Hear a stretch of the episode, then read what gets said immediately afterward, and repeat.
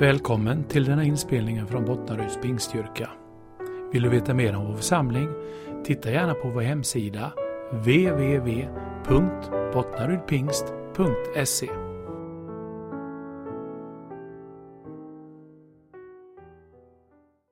Vad glad jag är idag. Jag fick ett telefonsamtal häromdagen av Andreas som sa Samuel ska döpa sig. Ja, sa jag, för jag lov att smsa honom och skriva att jag är glad, eller är det hemligt? Nej, sa Andreas, det får du lov att göra. Så jag skickade iväg ett år och så bara yes, så glad, så välkommen, så underbart. Jag fick ju en lillebror redan när du blev frälst ju, men, men det är liksom det där extra att döpa sig också. Så det är fantastiskt. Jag måste bara dela en lite gammal, gammal, gammal grej som inte ens jag var med på men som ändå gjorde mig så välsignad för några dagar sedan. Vi fick låna två stycken eh, DVDer av Rune. Och den ena satt jag och tittade på förra söndagen när ni var här på gudstjänst. Eh, där det var intervjuer från 1983 med människor som var med ända från när församlingen startade i Kulltorp, heter det va? Jag har varit där och predikat, så jag, men jag blandar ihop Skultorp och Kulltorp. Men eh, bara så jag säger rätt, Kulltorp. Eh, och under några år där så var det en fantastisk väckelse. Jag tror att hundra stycken kom till tro.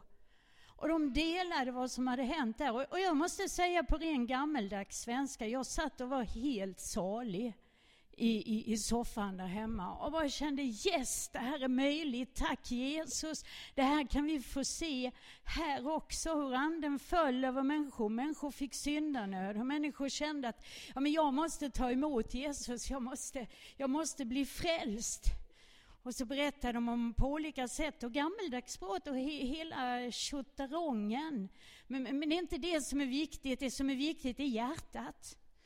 Jag tänkte jag måste bara ringa Rune och säga att jag var så välsignad när jag satt och tittade på det här. Och sen är det ju som alltid med mig, det kommer massor av grejer i vägen och så ringde jag inte, men jag sa det när vi sågs idag. Så fantastiskt att få sitta och titta och lyssna. Och det var inte kvaliteten eller ljudet eller ljussättningen eller någonting, utan det var anden som var där.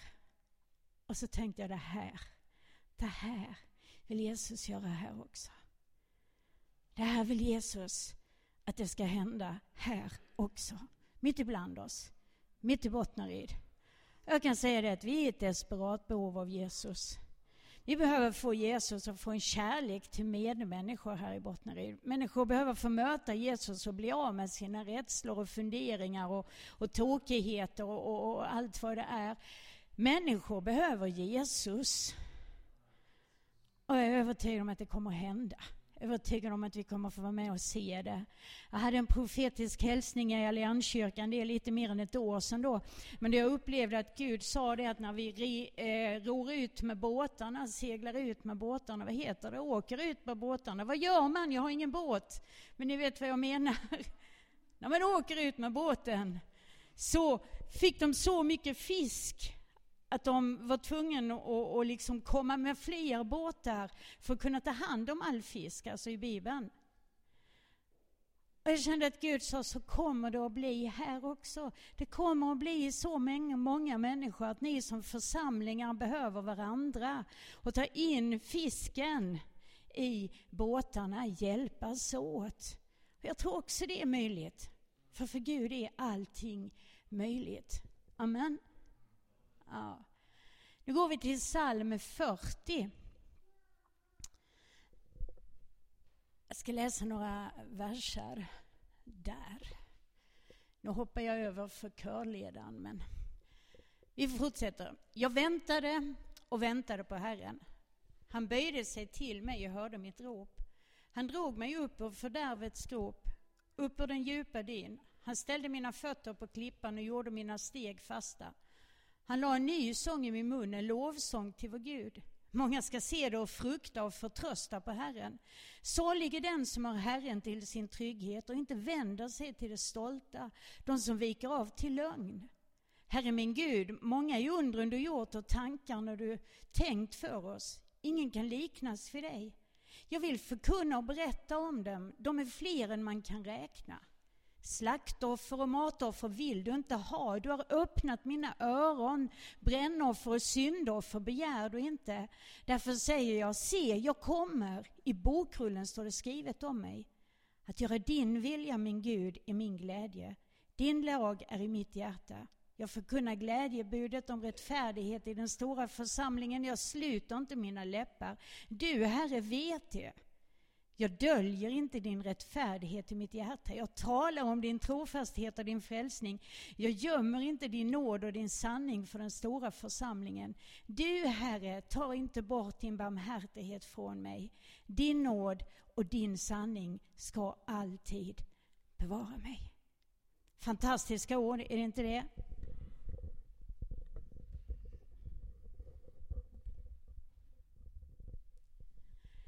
Eh, jag och Per vi följer en eh, podd som heter Bibelpodden med två unga människor uppe från Norrköping som ett par, gift par, sitter och pratar om Bibeln, sitter och pratar om tro. Eh, och någon av de första avsnitten de hade där så talade de om varför man ska tro på Bibeln, varför Bibeln är sann. Hur, hur kan vi veta att inte den är som vilken bok som helst av alla andra böcker? Fantastiskt att lyssna på dem. Så har ni tillgång till dator eller mobil och sådär så sök gärna upp Bibelpodden. 25-30 minuter i varje avsnitt. Eh, men när man läser de här orden så för mig då som känner Jesus så behöver inte jag heller fundera på om Bibeln är sann. Utan anden är ju i ordet, eller hur? Man känner att det här är någonting som berör, det här är någonting som går in.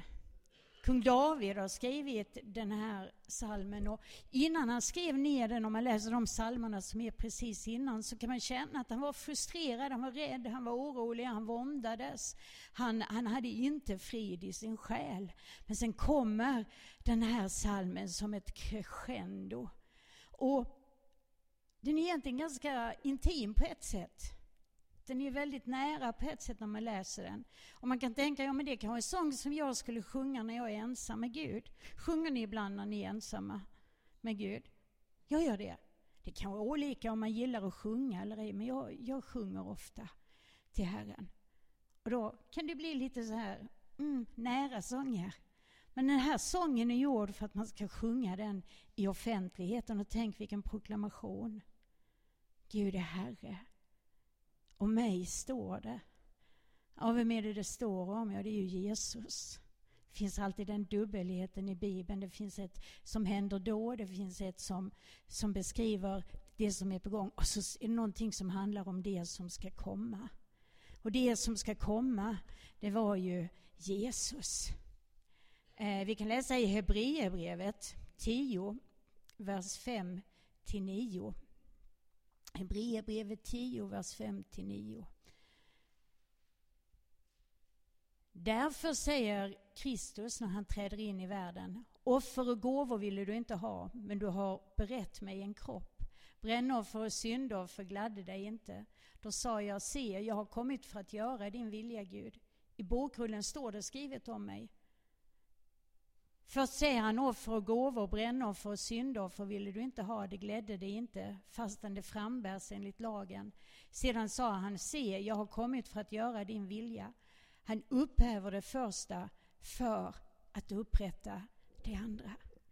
Här händer det som står skrivet om för så många år sedan. Och Jesus han kom för att göra Faderns vilja.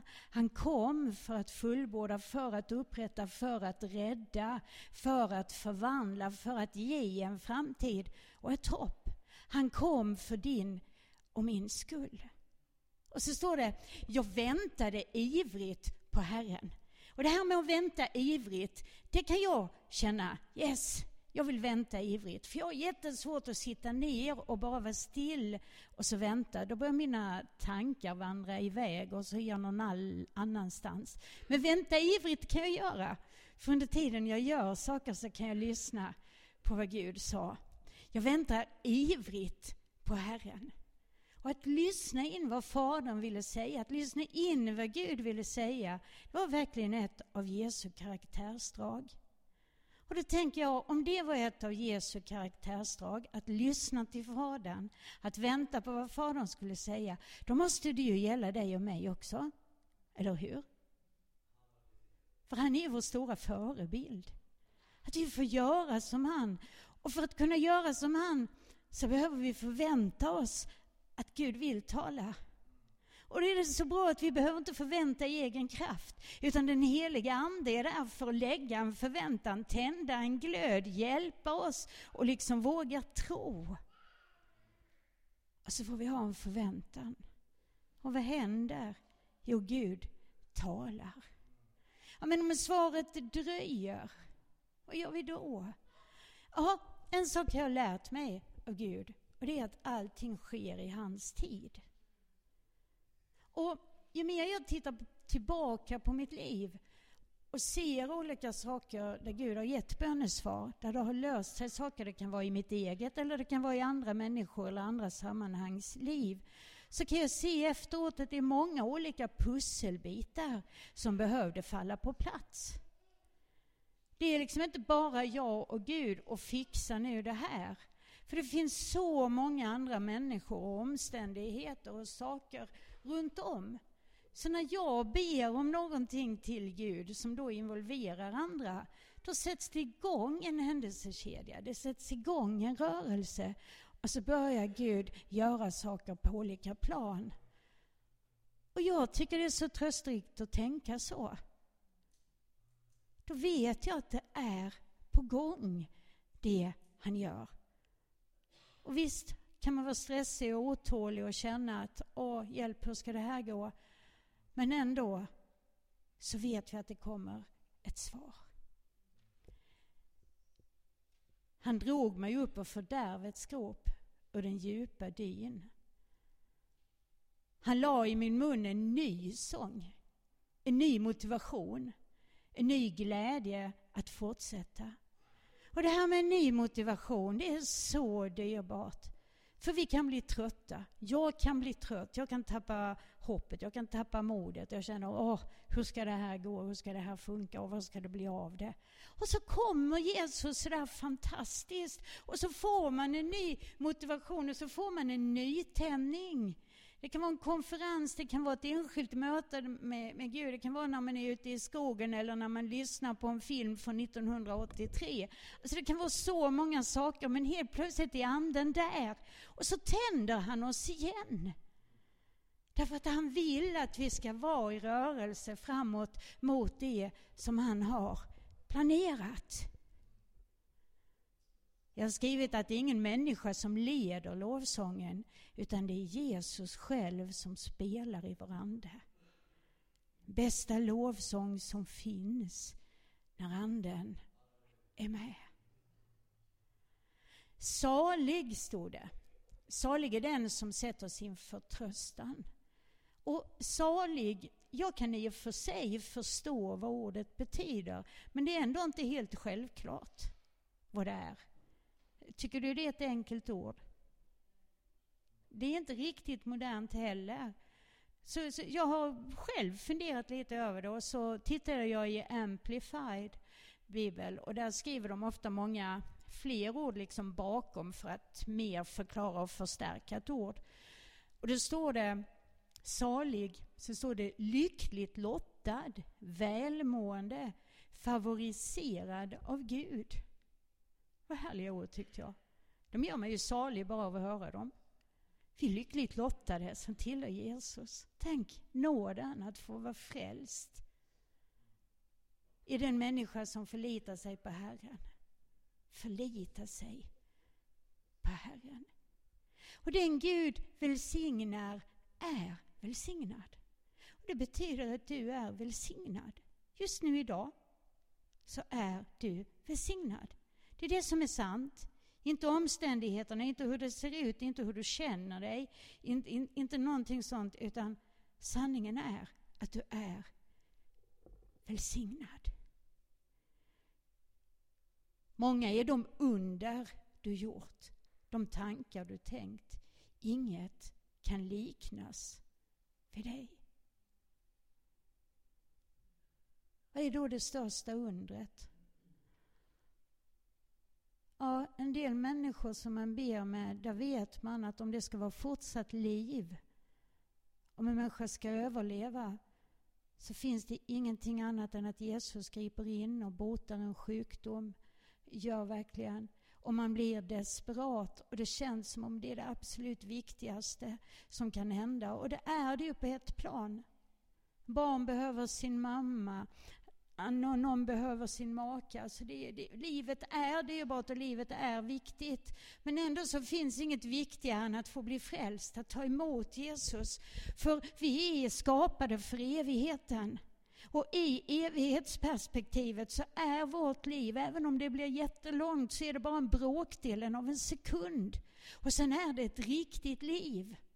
Vi ska inte flyta omkring som några energivarelser eller gå upp i något stort allmänt ljus eller liksom... Det, Bibeln säger inte det. Beskriv, Bibeln beskriver jättetydligt att vi kommer till komma en himmel, en plats som är fantastisk. Jorden är en skuggbild av det. Det ska komma en ny himmel och en ny jord, står det. Så problemet med hur alla frälsta ska få plats är inget problem. Det kan inte varit något problem för dig, men jag har hört det.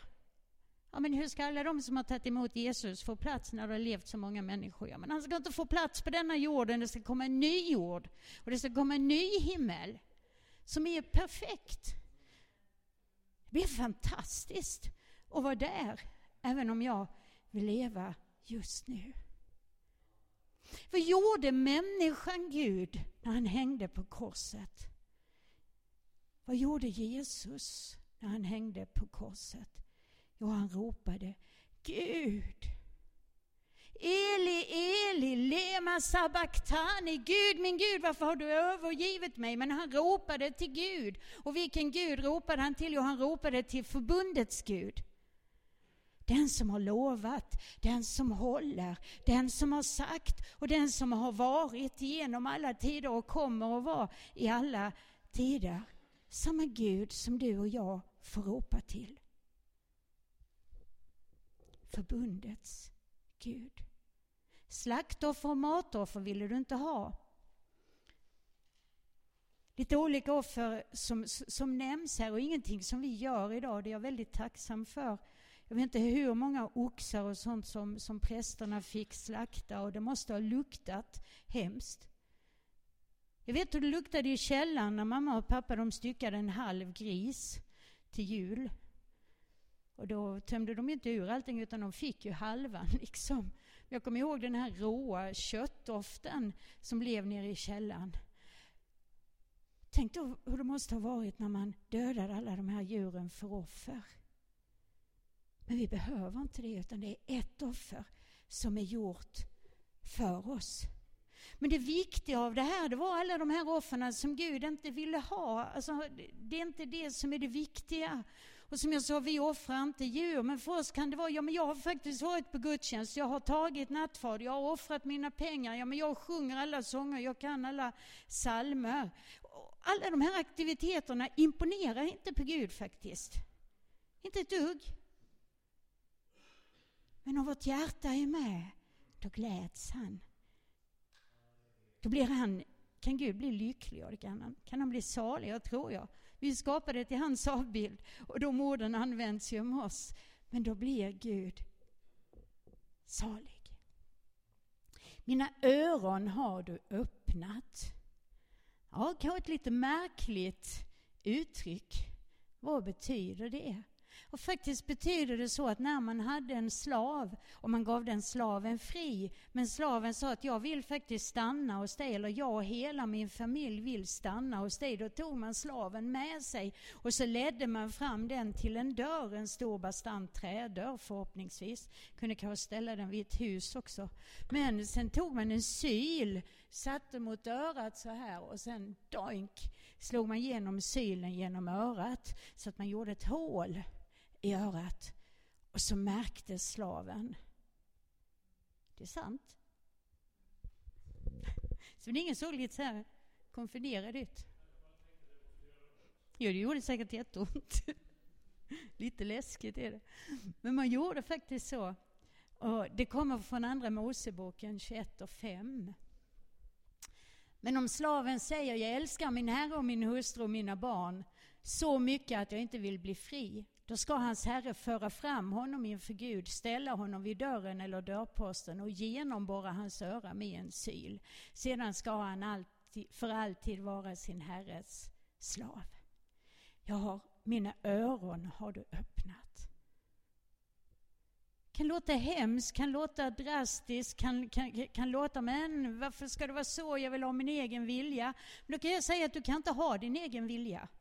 Du kan ha antingen din vilja hos Gud som är god, hos Jesus som älskar dig, som har friköpt dig, som har betalt allting för dig, som ständigt vill hjälpa dig, som vill lyfta dig, som, som bara har gott för dig. Eller så är du en slav över den här, i den här världen, den här världens ande. Det finns bara två herrar. Och då känner jag att, åh Jesus, du får gärna slå en syl genom mitt öra. Nu gör han inte det, det är mitt hjärta han har friköpt. Men jag vill ha honom som Herre. Det är min glädje, din lag i mitt hjärta. Att göra din vilja. Inte min hjärna utan i hjärtat. Hjärnan kan tänka så mycket, den kan åka hit och dit, den kan vara så förvillad, men hjärtat det är sant. Sen kommer det här jobbiga med kung David. Vi kan läsa dem också. Psalm 40, vers 12 till 16. Det kan bli så. Jag säger ibland det är så mycket ack och vi istället för tack och be i våra liv. Men det blir ack och vi ibland. Så är det. Psalm 40, vers 12 till 16. Du, Herre, Ta inte din barmhärtighet från mig. Din nåd och din sanning ska alltid bevara mig. För jag är omgiven av otaliga onda ting. Mina synder har hunnit ifatt mig, jag orkar inte se dem. De är fler än håren på mitt huvud. Mitt mod sviker mig. Var nådig, Herre. Rädda mig, Herre. Skynda till min hjälp. Låt alla som vill ta mitt liv möta skam och vanära. Låt dem som önskar mig ont vika tillbaka och skämmas. Låt dem som häpnar av skam fram de som säger till mig ha, ha, ha, ha. Alltså de som skrattar ut mig. De som hånar mig. Låt dem komma på skam. Är det någon som känner igen sig? Ja, käre någon vad jag kan bli sur ibland. Jag kanske inte använder det språket, men jag kan bli sur. Och så bara, åh Gud, du måste fixa. Det är så nära. Men så vänder det. Och i sjuttonde versen så står det Låt alla som söker dig få jubla och glädja sig i dig. Låt de som älskar dig, din frälsning, alltid säga Herren är stor. Jesus är stor, Jesus är större, Jesus är över. Jesus är mycket mer än allting som vi är. Oavsett vad som har hänt. I Handbok för livet står det i sista versen. Jag är fattig och svag men ändå tänker Herren på mig just nu. Min Gud, du är min hjälpare, du är min frälsare. Skynda till min hjälp, vänta inte längre. Jag är fattig och svag men ändå tänker Herren på mig. Vi har inte mycket att komma med som församling. Vi har inte de stora eh, resurserna, vi har inte de stora scengrejerna man kan sätta upp. Vi, vi, vi har inte alla eh, man kan anställa och fixa med och sånt som många stora församlingar har. Men vi har oss. Vi har oss. Jag har dig, du har mig, vi har Isak. De är också jättevärdefulla, spluttisarna. Gud räknar med dem. Vi har varandra. Och Jesus vill använda oss. Jag vet inte hur sannolikt det är att landets högste ledare tänker på dig just nu eller ens känner dig vid namn. Det kanske det är så. Jag vet ju inte alla dina bekanta. Men jag vet att Herren, universums härskare, tänker på dig just nu. Han känner dig vid namn. Han vet vem du är. Så jag vill avsluta med att säga att ju mindre vi förlitar oss på vår egen kraft, ju mer kan Gud göra för oss. Ju mer tid i bön, ju mer tid i samtal med Gud istället för att bekymra oss, ju snabbare kan Gud förändra det vi längtar efter.